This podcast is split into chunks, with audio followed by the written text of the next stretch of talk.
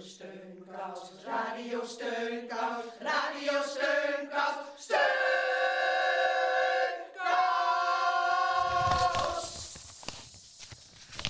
Heel hartelijk welkom bij Radio Steunkous.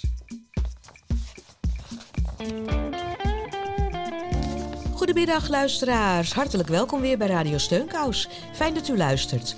Nou, nu is het toch wel echt eh, herfst. Eh, de blaadjes eh, vliegen door in het rond. En dan biedt de radio zeker weer uitkomst. Al zie ik dat hier iemand aan tafel haar aandacht er niet echt bij heeft. Anke, hallo. Oh ja, sorry. Ja, ik zit hier een folder te lezen. Ja, die is je net bezorgd. En het gaat over een initiatief, nieuw, hier in de buurt. En daar hebben ze een virtuele deelschuur opgericht. En ik zit te lezen wat dat nou is. Ja, virtuele deelschuur. Want ik vind het niet echt een aansprekend woord. Wat moet je je daar nou bij voorstellen? Ik lees dat het een website is waarop je eenvoudig spullen van elkaar kunt lenen, waardoor je geen geld kwijt bent voor de aanschaf van nieuwe spullen. En een mooi bijkomend iets is dat je ook nog eens nieuwe mensen leert kennen. Nou, het klinkt me heel idealistisch in de oren, moet ik zeggen hoor. Ja, inderdaad. En het komt ook goed uit, want we gaan het vandaag hebben over idealen en dromen. Nou, dan stel ik voor dat we eerst even naar de Everly Brothers gaan luisteren. Met Dream, Dream, Dream. En daarna naar uh, Ada Biesheuvel, want het is alweer de eerste van de maand. En dan gaat ze ons altijd voorlezen. Dat klinkt ook heel ideaal.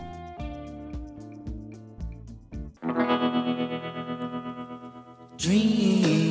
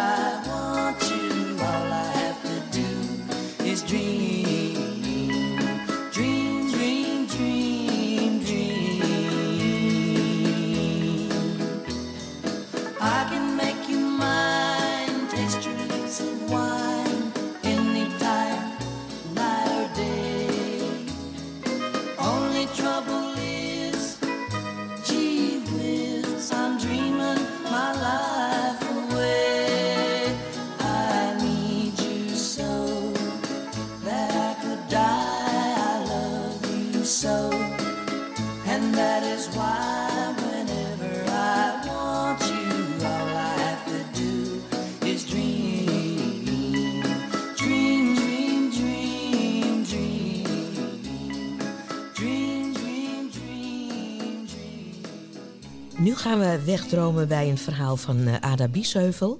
En het heet Juffrouw Otto. Zij was een vrouw van groot gewicht. Juffrouw Otto, een ongetrouwde vriendin van mijn moeder. De stoelzitting kraakte een beetje in de veren als zij daarop plaatsnam. Het hondje Tippy vergezelde het bazinnetje altijd. En vlak bij de stoel waarop zij zat, ging Tippy languit liggen. Eerst hijgend, daarna rustiger ademend. Deze hond leed ook al een beetje aan overgewicht. Bazin en hond leken daarom veel op elkaar. Waarover mijn moeder met juffrouw Otto praatte, is mij altijd een raadsel gebleven. Mijn aandacht werd volledig opgeëist door het fenomeen hond. Ons gezin was zelf niet in het bezit van een hond. Een poes was wel aanwezig. Deze zat meestal op het balkon zonnestralen op te vangen. Eindelijk stelde ik aan juffrouw Otto de prangende vraag: Mag ik met Tippy aan de riem even wandelen? Heel even maar. Nou, antwoordde moeders vriendin, jij kunt straks beter met, met mij een stukje meelopen. Dan mag jij Tippy vasthouden aan de riem. Dat antwoord beviel mij maar matig. Waarom mag ik nu niet? Ik kom weer vlug terug hoor, zei ik snel. En ik keek liefjes in de richting van mevrouw, juffrouw Otto. Nee, dat kan niet. Tippy wil alleen met mij wandelen, nooit met anderen. Juffrouw Otto sprak het woord nooit heel nadrukkelijk uit. Ik moest me wel bedwingen om geen wedervraag te stellen, maar ik voelde wel aan dat ik bakzeil zou halen. Dus slikte ik verdere vragen maar in. Alle verrichtingen van Tippy werden zeer aandachtig geregistreerd. Het krabben met een van zijn achterpoten over zijn buikstreek, het steeds opkijken naar het baasje, en juffrouw Otto kwam eindelijk van haar stoel af, op de voet gevolgd door Tippy. Ga maar mee tot aan mijn huis. Heer, doe de riem maar aan, sprak juffrouw Otto nu vriendelijk tegen mij. Eenmaal op straat zwaaide ik triomfantelijk naar mijn moeder. Ik tilde de rim ietsje op om te laten zien wie hier de leiding had. Mijn moeder zwaaide terug. We kwamen bij de haakse bocht van de Vlaardingerdijk. Af en toe stond Tippy stil, lichtte een poot op en hield zijn ogen niet af van het voorwerp zijner adoratie. En plaste een paar druppeltjes, meestal tegen een boom. We waren al voorbij de sigarenboer, staken een straat over en vanaf die plek kwamen de huizenblokken met diepe portieken. In een van deze portieken diepte juffrouw Otto haar huissleutel op, uit een goedkope leren tas. Blijf je me even gezelschap houden, Ada? Doe hier de riem en de halsband maar af. Ik knikte en zat al op mijn knieën en mijn handen prutsten wat met het riempje. Ik volgde juffrouw Otto haar kamer in. Tippy liep zenuwachtig heen en weer en stootte kleine kreetjes uit. Ja, je krijgt eten, Tippy, het komt zo aan de beurt. Juffrouw Otto had opeens van alles te doen. Ze schonk mij een beker melk in, maakte een zak open met heerlijk ruikend hondenvoer en vulde daarmee het etensbakje van haar hondje. Ik stond bij de schoorsteenmantel met de talloze porseleinen beeldjes. Het waren allemaal hondjes. Eén grote zwarte hond had aan beide handen van zijn hals kettingjes. En daar zaten dan weer kleinere hondjes aan vast. Die hadden ook weer kettingjes aan hun hals. En zo ging dat maar door. De hele schoorsteenmantel vol met hondjes. Aan beide kanten stonden ook nog twee prachtige vazen met daarin wat pauwenveren. Ik verschoof de hondjes heel voorzichtig over het marmer. Ze waren met de kettingjes aan elkaar geklonken. Op datzelfde moment wist ik met stellige zekerheid dat ik eerst zo'n stenen hondje wilde hebben, gevolgd door een echte.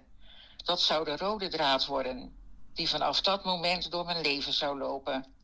De waarschuwingen van juffrouw Otto om voorzichtig te zijn met de beeldjes schoof ik terzijde.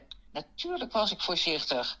Ze zou me echt geen handelingen zien maken die te zien zouden zijn als ik de hondjes op zou tillen. Nee, ik verschoof ze alleen maar, zodat het, eh, dat, zodat het geen angst zou opleveren bij juffrouw Otto. Maar bij het zien van de dikke Tippy, die als een volmaakte ronde vorm op het vloerkleedje lag, schoof een ander beeld naar voren. Dat van een mooie, grote hond met lang zwart haar en een lange staart. Een grote dankbaarheid kwam tegelijkertijd in mij opzetten zoals bij een zeeman die na maanden zwalken op zee de vuurtoren en de kustlijn in zicht krijgt. Al zou het jaren kunnen duren, een hond zou er komen, zoals twee en twee is vier en een hond zit in het verbond.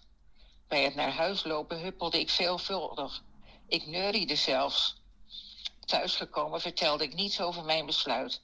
Dat zou maar trammeland geven, veel woorden en zeker geen hond. Nee, de hond moest eerst een geesteshond worden. Eentje die je zelf bedacht en bij slapeloosheid zou je door de gedachte aan die hond volkomen tevreden in slaap gewiegd worden. Ach, juffrouw Otto, wat is het lang geleden dat u op visite kwam bij mijn moeder. En mijn moeder ook bij u op de Vlaardingerdijk, mijn geboortegrond. U woonde daar en de sigarenman ook. Elke zaterdag ging ik voor mijn vader check en vloedjes halen bij de sigarenboer zoals iedereen hem noemde. Het was mij gelukt Tippy mee naar buiten te krijgen, zonder juffrouw Otto. Ook viel me een grote eer toe. Ze zei tegen me: Jij bent de enige met wie Tippy mee wil. Hoe heb je dat voor elkaar gekregen? Nou, dat vind ik een heel bekend gevoel wat eh, dat, uh, dat Ada daar schetst. Het gevoel dat je als kind kan krijgen wanneer een volwassene iets bijzonders in je ziet.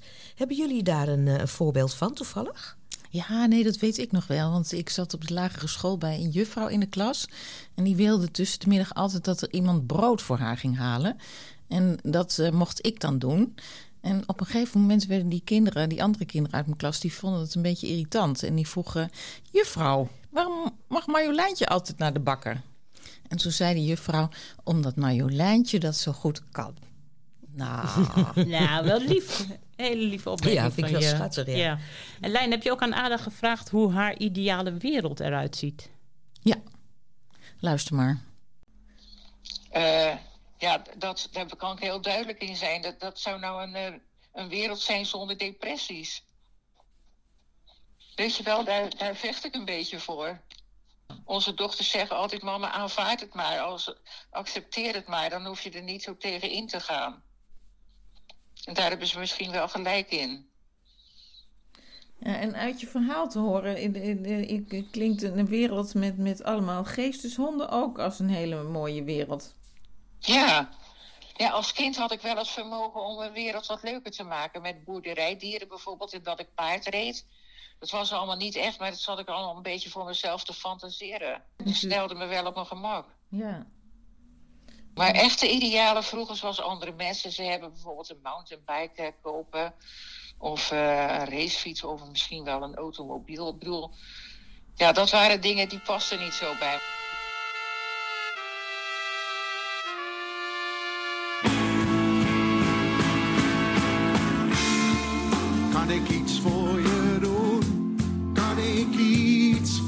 Zijn? In dit wrange seizoen, met zijn kruipend venijn. Kan ik iets voor je zijn? Met een blik, een gebaar, met een arm om je heen, of een hand uit je haar. kan ik iets voor je zijn in je grote lief had, er nu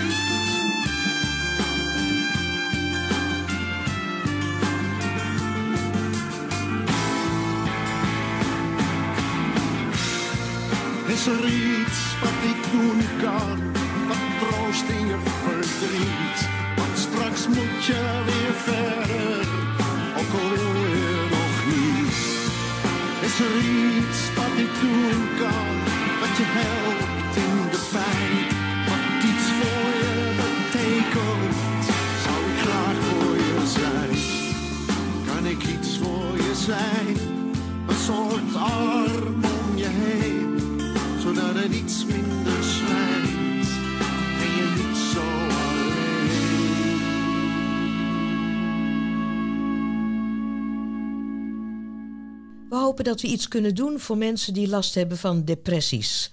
Ada, dit nummer was voor jou. Een wereld zonder depressies is het ideaal van Ada.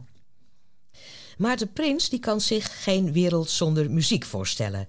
Hij eh, maakte altijd wel muziek met zijn beste vriend René Den Haan. Eh, maar de afgelopen drie jaar, na een ongeluk, is het eh, extra belangrijk voor hem geworden. En Lijn is bij hem op bezoek geweest, hè Lijn? Ja, ja ik was in, zijn, in zijn huis. Ik ben eh, Maarten Prins. De laatste drie jaar is mijn ideaal echt eh, muziek maken. Sinds een ongeluk wat ik heb gehad, waar ik hersenschade heb opgelopen, zijn mijn andere hobby's een beetje in het slop geraakt en heb ik de muziek ontdekt. Misschien kan je nog even iets vertellen over dat ongeluk, want het is wel spannend. We zitten nu in jouw kamer. Ja, dat is een eh, hele hoge kamer. Een vijf meter hoog plafond met een halve verdieping erin gebouwd. En ja, ik ben van die halve verdieping afgevallen hier op de vloer. En dat lijkt een mooie laminaatvloer, maar die is kaal op het beton gelegd. Dus dat was een behoorlijke klap. Toen had ik hersenschade opgelopen, waardoor ik mijn hele drukke leven niet meer zo, eh, zo kon doen. En mijn lichaam was eh, goed in de kreukels. Dus, en met de muziek daar eh, toch weer een beetje uit de put gekomen. En we gaan zo luisteren naar een nummer. Kan jij het verhaal achter dat nummer vertellen? Ja, dit is een nummer. Dat hebben we gemaakt met eh, eh, een Franse zanger. En wie is we, zal ik even snel eh, zeggen. Dat is ik en mijn beste vriend. Ik ken hem al twintig jaar. En we maken al, eigenlijk al jaren muziek. En sinds het ongeluk dus is de hele focus daarop gekomen. En dat we die muziek weer oppakten na het ongeluk. Dus moesten wij denken aan een vakantie van ons 15, 20 jaar geleden of zo.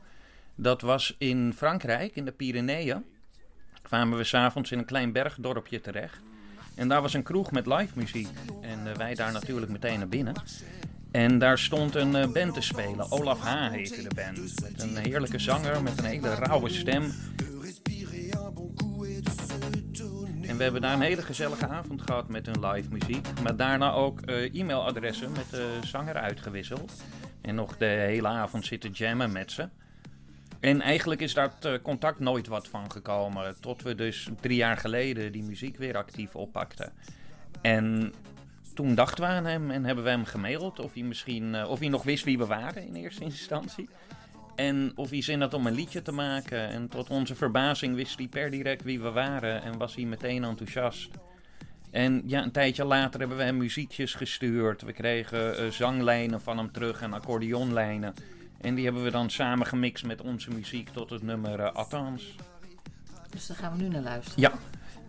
Hey, en dit nummer heet Attends. Ja. En dat betekent eigenlijk wachten, toch? Mhm. En ehm, is, heeft dat ook iets te maken met inderdaad ziek worden en dan wachten tot je beter wordt? Of heeft dat daar een link mee? Nee. Nee, nee, ik moet zeggen, ik vul het wel zelf vaak zo in. En het nummer heeft daardoor ook wel die waarde. En we hebben natuurlijk heel lang gewacht om met hem te werken. En meer van, uh, van dat soort laagjes.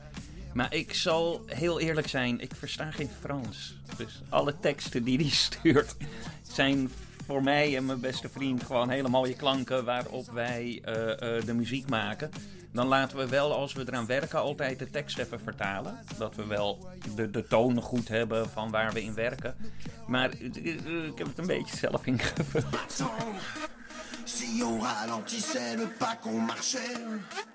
En prenant le temps de se raconter, de se dire tout ce qu'on sait pas de nous, de respirer un bon coup et de se donner. Ja, ik was echt onder de indruk hoor van Maarten en hoe hij met zijn vriend muziek maakt en dan mensen over de hele wereld uh, ontmoet die je eigenlijk nooit in het echt ziet. En de Fransman die, die je net hoorde met de rauwe stem, die was ook hartstikke enthousiast wat ze gemaakt hadden van de stukken die hij had opgestuurd. En um, nou, ik heb hem ook nog gevraagd wat hij de functie van muziek vindt in coronatijden. Ja, die is wel reddend. Soms onder uh, muziek wordt het wel uh, heel eenzaam. Zeker als je elkaar ook zo lang niet kan zien of altijd onder bepaalde omstandigheden. Dan uh, er wordt een heleboel creativiteit ontnomen en de, de muziek die redt daar ook wel in.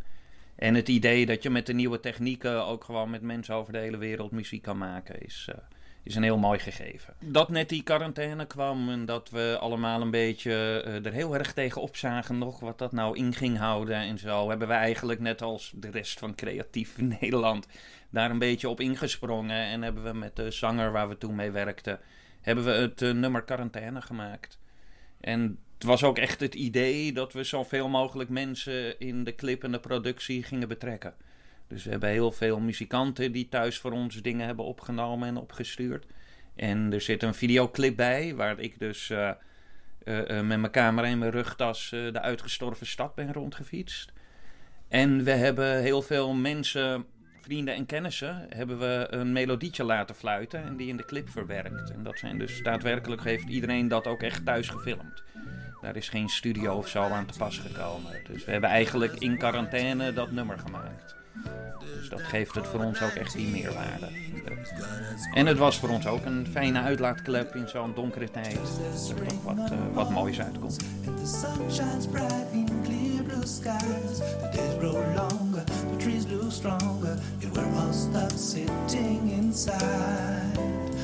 Goes around the world, of us men, women, boys, and girls. When will this pandemic end? No one. COVID 19 got us quarantined. This damn COVID 19 got us quarantined. COVID 19 got us quarantined. This damn COVID 19 got us quarantined. I know that you're scared, that's alright, you're only human.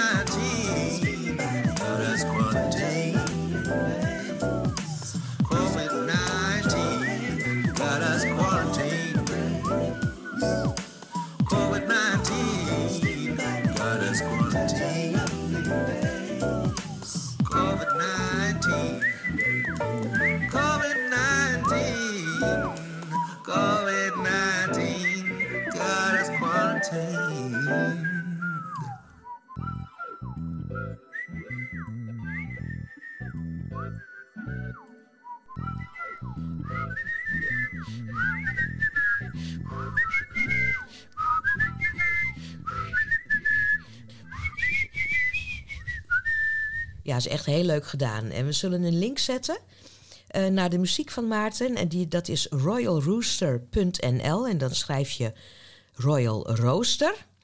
En die komt op onze website www.radiosteunkous.nl. En dan kunnen jullie het filmpje bij dit eh, nummer bekijken. En ook hoe allerlei mensen samen meefluiten.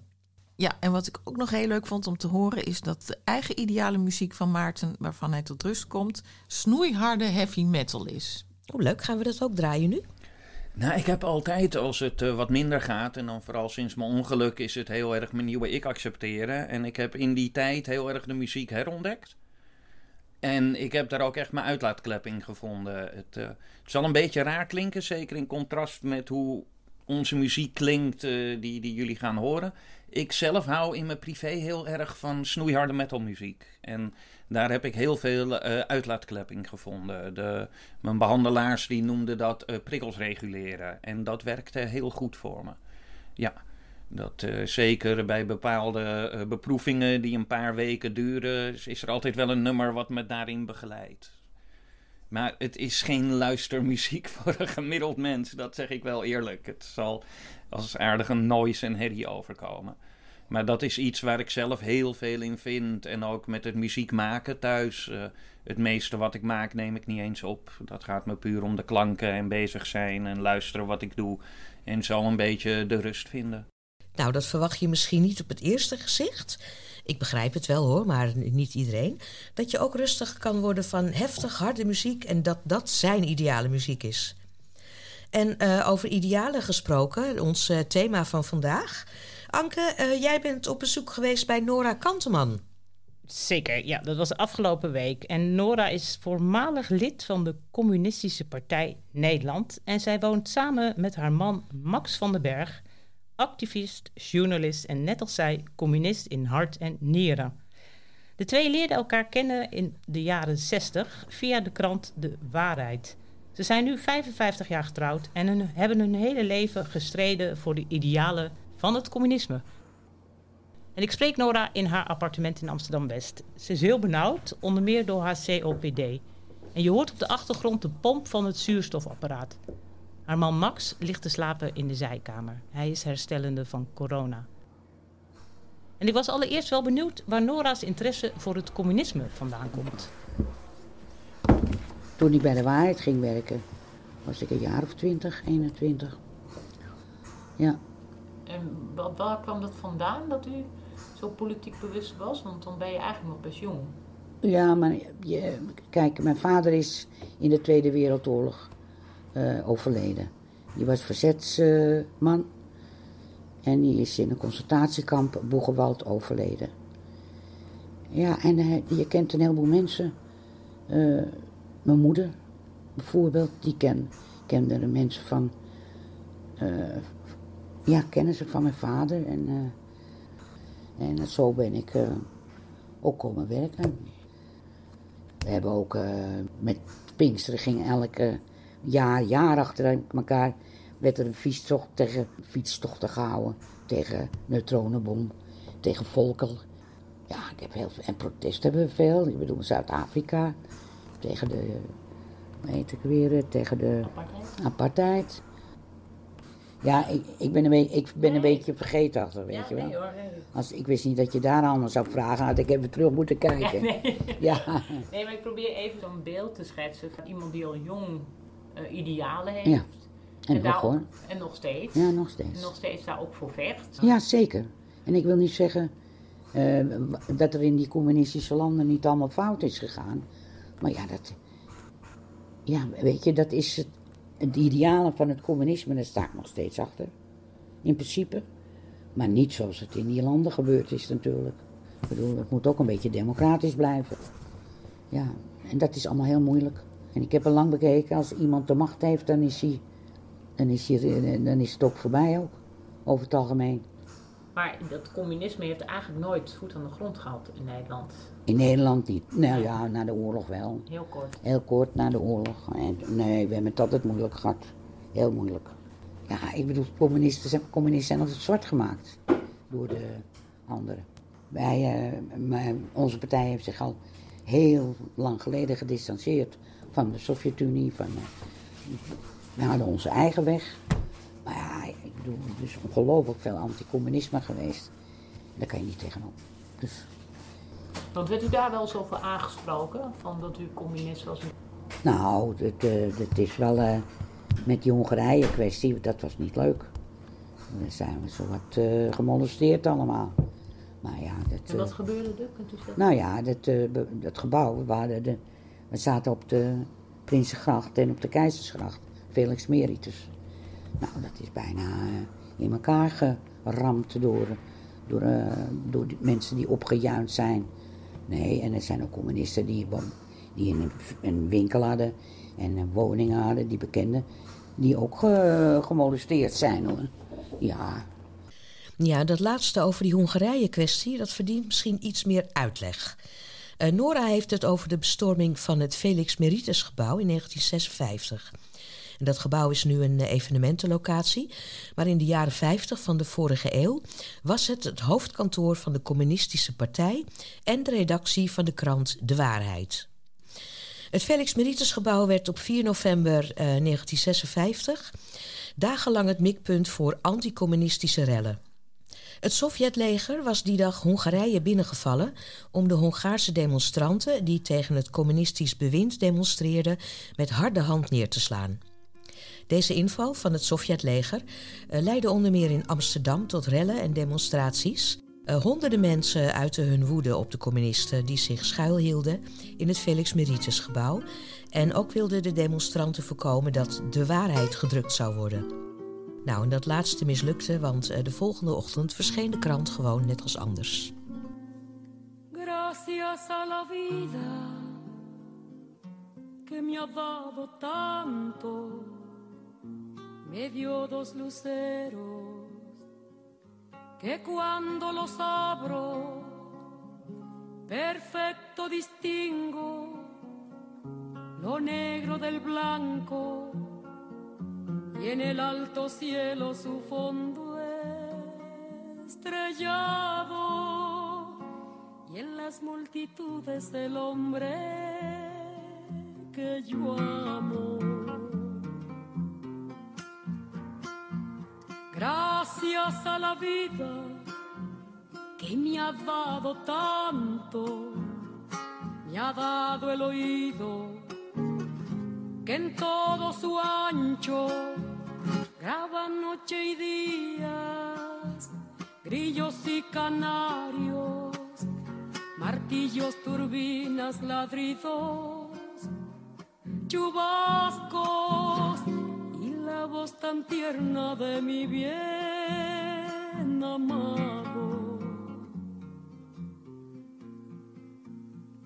Gracias a la vida que me ha dado tanto, me ha dado el sonido y el abecedario, con él las palabras que pienso y declaro, madre, amigo, hermano y luz alumbrando la ruta del alma del que estoy amando.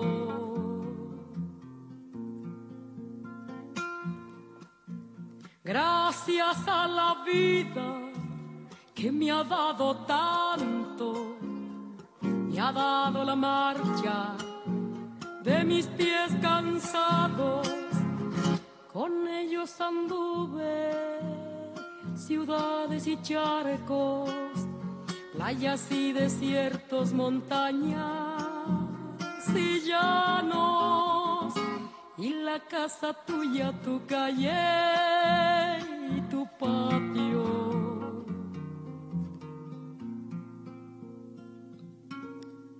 Gracias a la vida que me ha dado tanto, me dio el corazón que agita su marco. Cuando miro el fruto del cerebro humano, cuando miro el bueno tan lejos del malo, fondo de tus ojos claros. Gracias a la vida que me ha dado tanto, me ha dado la risa y me ha dado el llanto. Así yo distingo dicha de quebranto, los dos materiales que forman mi canto y el canto de ustedes que es el mismo canto. Y el canto de todos que es mi pro Nora stipte het al even aan. Haar vader Iwan zat in het verzet en overleed in concentratiekamp Buchenwald in 1945. Hij is door verraad opgepakt, dat weten we. De hele groep is verraden. Maar ik, mijn vader eh, heeft hoofdzakelijk s'nachts in het verzet. Mijn vader, toen- mijn vader mijn moeder leerde kennen, va- vaarde hij eh, op de wilde vaart. Ja. En voor mijn moeder is hij aan land gaan werken, heeft hij een baantje aangenomen. Een baantje. En dat was hoofdzakelijk s'nachts. Hij zat ook bij de eh, luchtbescherming, geloof ik. S'nachts. En daardoor kwam hij in het verzet. Zo kwam hij in contact met een verzetsgroep. En daardoor kwam hij in het verzet. Dus hij was hoofdzakelijk s'nachts. En overdag sliep hij. Zo, ik heb mijn vader ook nooit goed leren kennen eigenlijk. Ik bedoel, ja, en hij zat bij een groep. En wat die deden. Ik heb het wel eens geprobeerd om erachter te komen. Maar dat eh, was heel moeilijk. Iwan was een schipper die Nora's moeder eind jaren 30 in Rotterdam leerde kennen. In 1940, toen de oorlog uitbrak, ging hij bij de luchtbeschermingsdienst in Amsterdam werken. Een baantje waarbij je s'nachts de straat op moest om te controleren of de huizen en gebouwen zich wel hielden aan de verplichte verduistering. Het is ideaal werk voor verzetsmensen omdat zij zich zo ongehinderd in het donker op straat konden begeven. En Nora's vader wist op die manier jarenlang onder meer illegaal de waarheid rond te brengen. Hij was ook een Surinamer. Ik zal even een foto laten zien. Mijn vader was een Surinamer, die kwam uit een Creoolse familie. Kijk, dit is, was mijn vader. Uw vader kwam uit een Creoolse familie. Ja, zo zag hij eruit. Maar hij heeft broers en zusters, ja, die, die kan ik nou niet vinden, maar die donker zijn.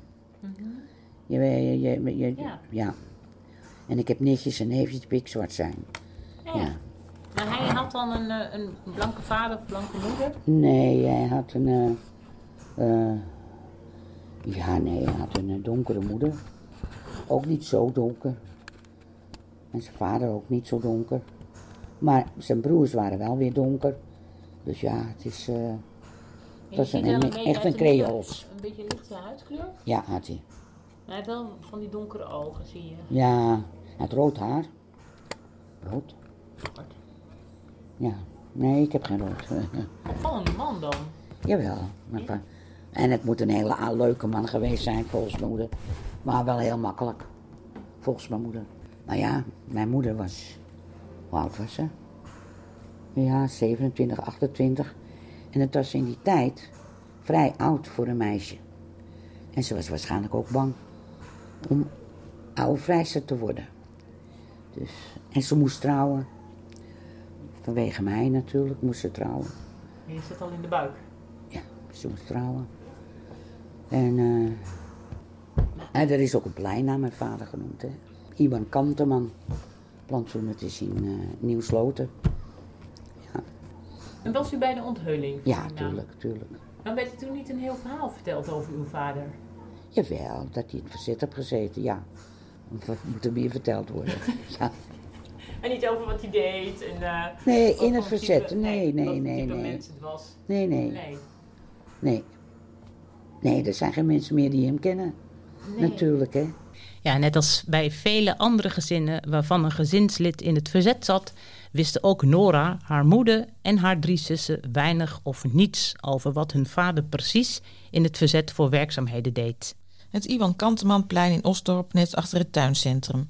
We hebben het even opgezocht. Nora wist het niet meer, maar de feestelijke opening van het plein was 26 maart 1997. Nou, We hebben het deze uitzending over idealen. Hebben jullie idealen, Anke, Lijn? Ja, mijn ideaal is natuurlijk dat we allemaal een steunkous voor elkaar kunnen en willen zijn. Nou, dat is wel een hele heel mooi ideaal. Daar wil ik me eigenlijk wel bij aansluiten. En inderdaad ook dat we iets meer eh, voor elkaar over hebben. En dat is ook wat we met Steunkous altijd eh, toch beogen. Ja, mijn ideaal is dat we een beetje eh, meer begrip voor elkaar kunnen gaan opbrengen. Dan, dan tegenwoordig met de cancelcultuur en haat- en scheldpartijen op sociale media. Ik, ik lees af en toe een stukje en je gaat, ik word gewoon fysiek onwel als ik dat lees. Laten we dan maar snel even naar een muziekje gaan luisteren. Maak het donker in het donker met medewerking. Johnny and Jones met Maak het donker in het donker. Een lied over het werk van de luchtbeschermingsbrigade tijdens de Tweede Wereldoorlog. En deze is speciaal voor Nora, omdat haar vader Ivan Kanteman bij deze brigade zat. De overheid heeft het publiek bevolen. Als het donker is, dan moet het donker zijn. Er mag geen enkel licht naar buiten schijnen. Doe verduisteringspapier voor je gordijn. Anders staan ze s'avonds aan je bel te bellen. En dan komt de luchtbescherming je vertellen. Maak het donker, maak het donker in het donker. Ook al gaan de sterren door met een geblonker. Ik loop langs de ijzerkant met mijn luchtbeschermingsband. De lantaarn in mijn hand om te kijken waar iets brandt. Hou dus rekening met de verduisteringswensen. Maak het donker, reuze donker, beste mensen. Daar gaan wij. Maak het donker, maak het donker in het donker. Ook al gaan de sterren door met een geflonker. Ik loop langs de ijzerkant met mijn luchtbeschermingsband. De lantaarn in mijn hand om te kijken waar iets brandt. Hou dus rekening met de verduisteringswensen. Maak het donker, reuze donker, beste mensen. Het blokhoofd van blok 7 uit wijk 9 zag de dochter van het wijkhoofd uit blok 10. Met een rood hoofd van die blokhoofd 9 tegen. Hij zei, hoofd, heb jij het wijkhoofd ook gezien? Ik heb in het hoofd gezet het wijkhoofd te kan vragen. Of die wijkhoofd Spruit mijn blokhoofdnaam wil dragen. Zet hem op witte muizen, daar gaan we hoor. Maak het donker, maak het donker in het donker. Ook al gaan de sterren door met een geflonker. Ik loop langs de ijzerkant met mijn luchtbeschermingsband. Een lantaarn in mijn hand om te kijken waar iets brandt. Houd dus rekening met de verduisteringswensen. Maak het donker, reuze donker, beste mensen. Nou, dat is niet slecht. En de laatste keer klappen wij er nog even bij in de hand. Is dat afgesproken, ja? Van elkaar, hè? Daar gaan wij. Van Zanten zag een meisje in het duister. Zij was slank gevormd en toch niet dik van lijn. Hij dacht, dit is de jonkvrouw maar het dromen. Binnenkort zal zij mevrouw van Zanten zijn. In de duisternis vroeg hij haar om een kusje. Flip van Zanten zei, je doet, ik ben toch je zusje. Maak het donker, maak het donker in het donker. Ook al gaan de sterren door met een geflonker. Ik loop langs de huizenkant met mijn luchtbeschermingsband. Mijn hand om te kijken waar iets. Houd dus rekening met de verduisteringswensen. Maak het donker, reuze donker, beste mensen. We gaan van dit Amsterdamse duo terug naar Nora. Ik was benieuwd hoe haar ideale samenleving eruit ziet. Ideaal is natuurlijk dat iedereen eh, het goed heeft. En niet stinkend rijk hoeft te zijn, maar wel goed heeft. Dat iedereen een huis heeft. En dat iedereen eh, kan leren wat hij leren wil. Hè? We hoeven niet allemaal stinkend rijk te worden. Als je maar de dingen krijgt die je nodig hebt. En een goede zorg. Dat zou een ideale maatschappij zijn. Goede zorg, goed inkomen, goed werk. Dan heb je ook heel, als iedereen dat zou hebben, dan heb je vrede. Daar ben ik van overtuigd. Ja? En ik ben ook van overtuigd als je de godsdienst ook een beetje opzij duwt, zou dat ook eh, wel lukken. Want de godsdienst is ook een van de sleutels waardoor het zo'n ramp is. Vind ik. Ik heb daar niks mee. Je bent overtuigd atheïst. Zeker weten. Zeker weten. Mijn moeder die, eh, was gereformeerd. Zwaar gereformeerd. Mijn oma, die heb ik meegemaakt. Ik was 13 jaar. Mijn oma die ging doodsbang dood. Want ze kwam in de hel. Ze had gezondigd. Heb ik nog meegemaakt. De dominee moest er aan te pas komen. Maar dat hielp niet. Ze is gewoon schreeuwend dood gegaan. Van angst. Ja, vreselijk. Vreselijk. Nou, ik haat het geloof. Werkelijk. Alle kanten hoor. Of het nou islamitisch is of christelijk is. Of... Nee, ik vind het vreselijk wat ze de mensen aandoen. En trouwens, als je zo, als je zo op God gesteld bent, waar haalt die man het vandaan als hij veel kan doen? Waarom, waarom, waarom, waarom kan hij er nou niet tegenin gaan, tegen al die oorlogen? Dat vraag ik weer af. Nee, wordt er dan gezegd, dat moet je zelf doen. Weet je? Nee. Moet je moet helemaal niks geloven, echt niet. Mijn moeder was ook bang om dood te gaan. Doodsbang om dood te gaan omdat ze dachten dat ze gezondigd hadden. En riep ook van ik kom in. Net zoals mijn grootmoeder. Kijk, en, en waar zij, mijn moeder heeft in, op het Valeriusplein gelegen. In dat, eh, die kliniek. Dat zijn je laatste dagen kliniek, zijn dat. Je weet wat ik bedoel. Dat is een beetje, het was ook een christelijk. En toen heeft ze zo'n kwezel aan haar bed gehad, weet je wel? Zo'n, ja, kwezel noem ik dat. Een of andere zuster, weet ik veel, of juffrouw die daar werkte. Die heb ik net, betrapte ik net toen ik binnenkwam. Die zat mijn moeder ook allemaal dingen te vertellen. Als ze, als ze niet geloofde, dan komt ze niet in de hemel. En dat soort onzin allemaal. Hè. Nou, die heb ik met grote ruzie van het bed gejaagd. Zeg, als er eentje in de hemel komt, dan is mijn moeder dat wel. Ja, maar zegt mijn moeder, maar... Zeg, mama, jij komt in de hemel als je doodgaat. Klaar uit. Ja, die kwezel aan haar bed was in het hospice in de Valeriusstraat. Nora's moeder en oma waren doodsbang om dood te gaan. Denkt ze zelf wel eens over haar eigen dood na? Ze zoeken het maar uit, denk ik. Ja, ja. ja. Ik, eh, mijn dochter, die heb het er ook over. Mam, je moet het eens eventjes op een papier zetten. Wat je voor muziek wil. Nou, ik zou het niet weten. Echt niet. Ik hou van muziek, maar ik ben niet echt eh, van speciale muziek. Dat heb ik helemaal niet. Zeg, meid, zoek het uit. Ik vind het allemaal prima. ja. En dat heeft Mike, Max ook een beetje. Ja. Hetzelfde. Als iemand wat zeggen wil, nou leuk. Niet, ook goed. Ik zie het toch niet. Wat kan mij nou schelen? Nee.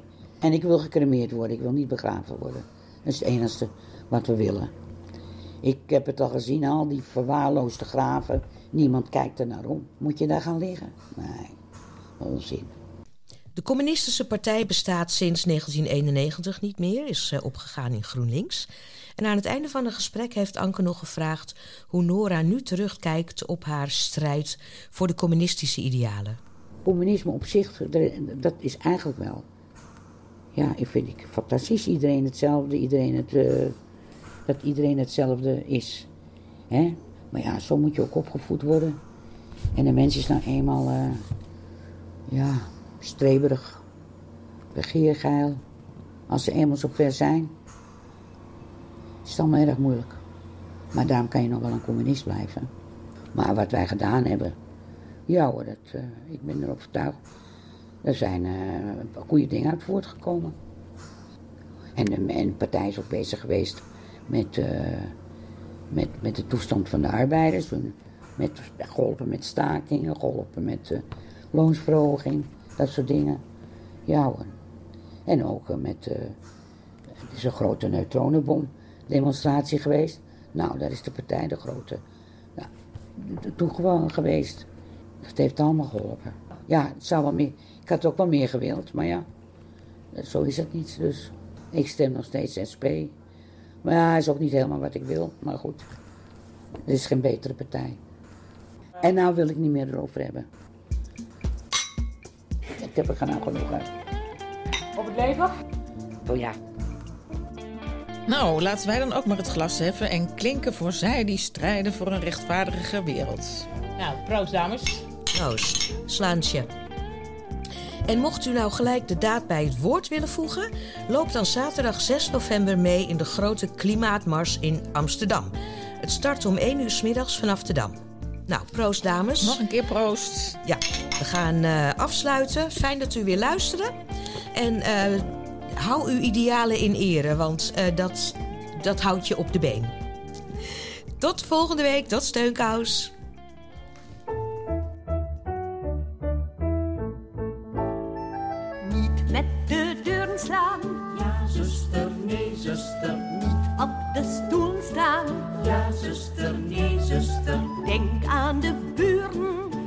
Zuster, nee, zuster. zijn heel dunne muren. Ja, zuster, nee, zuster. Laten we allemaal doen wat we willen. Zonder te schreeuwen en zonder te gillen. Doe wat je het liefste doet, Ja, zuster, nee, zuster. dan is het altijd goed. Ja, zuster, nee, zuster. Ja, zuster, nee, zuster. Ja, zuster, nee, zuster.